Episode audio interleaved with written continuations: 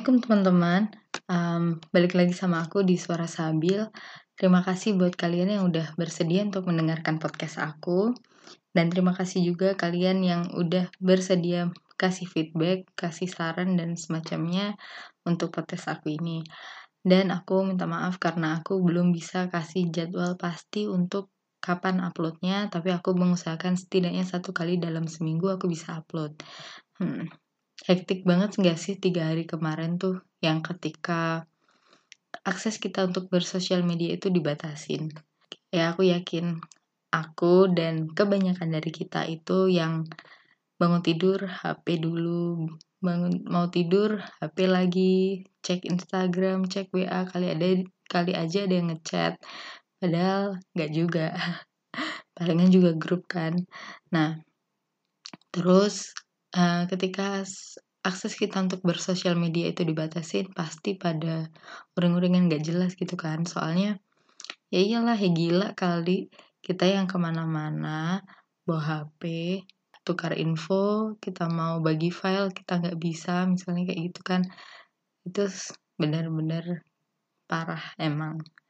Karena ya kita emang sebutuh itu dengan sosial media dan gadget. Tapi sebenarnya ini bisa loh dikendaliin gitu. Kalian bisa untuk mencoba menahan diri untuk tidak berketergantungan sama HP dan sosial media. Aku tahu sih kita semua butuh. Kita pelajar, yang pelajar pasti butuh untuk tukar file secara online gitu kan. Ya meskipun ada email tapi kita lebih mudah kalau pakai WhatsApp misalnya.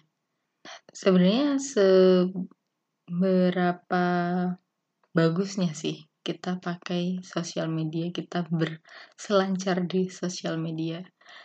Um, bagusnya kalau kalian di sosial media itu kalian meng, bisa menginspirasi seseorang itu bagus banget Tahu nggak sih kalian kalau di Inggris itu ada studi yang meneliti seberapa ketergantungannya seseorang terhadap sosial media. Ternyata orang di hampir di seluruh dunia itu rata-rata menggunakan gadget selama 3 sampai 4 jam seharinya. Tapi 13% itu yang termasuk dalam kelompok kecanduan sosial media dan gadget gitu.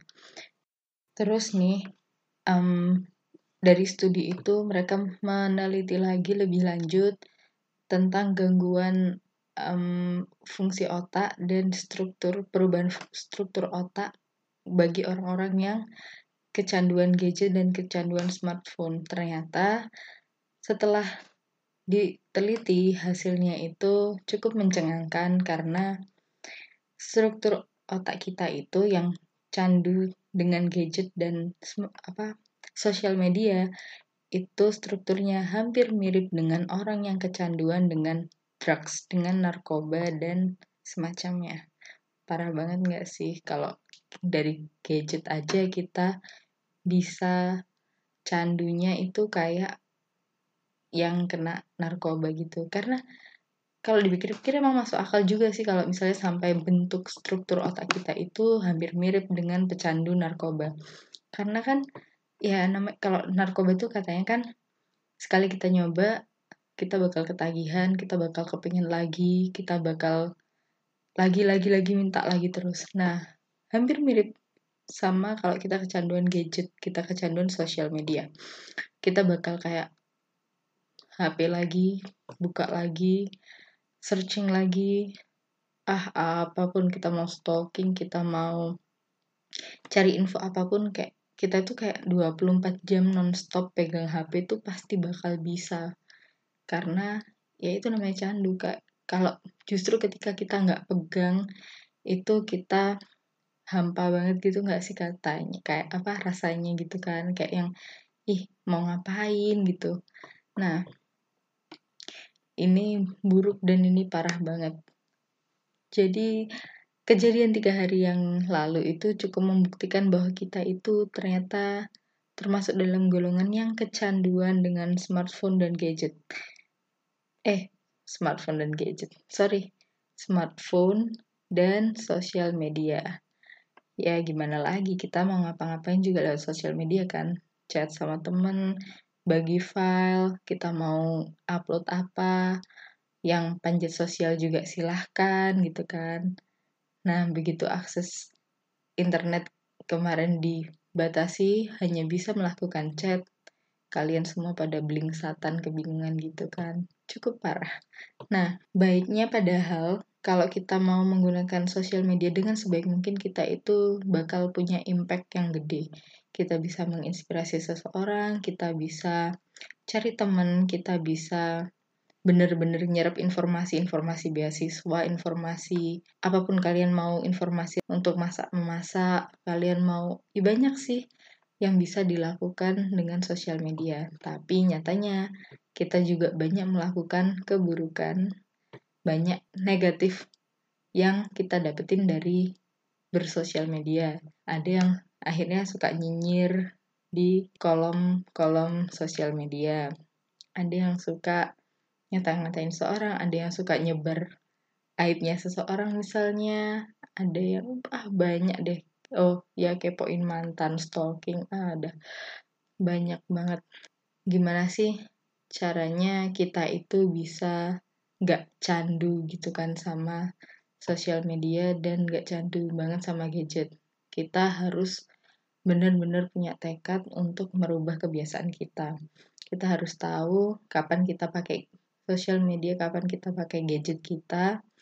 Habis itu kita juga tahu mana yang harus kita pilih dan pilah untuk pengembangan diri kita kalau kita emang mau mengembangkan diri lewat sosial media. Sebenarnya kalian tuh bisa banyak hal termasuk jualan berbisnis tuh kalian bisa banget lewat sosial media. Hmm. Terus um, solusi yang lain kalian ini yang paling ekstrim tuh kalau kalian bisa membatasi diri. Misalnya kalian bisa bikin jadwal gitu mulai dari jam 7 sampai 8 misalnya 7 sampai 8 malam kalian belajar 8 sampai 9 malam kalian pakai gadget. Misalnya kayak gitu itu itu ekstrim tapi kalau kalian bisa kayak gitu aku acungi jempol buat kalian.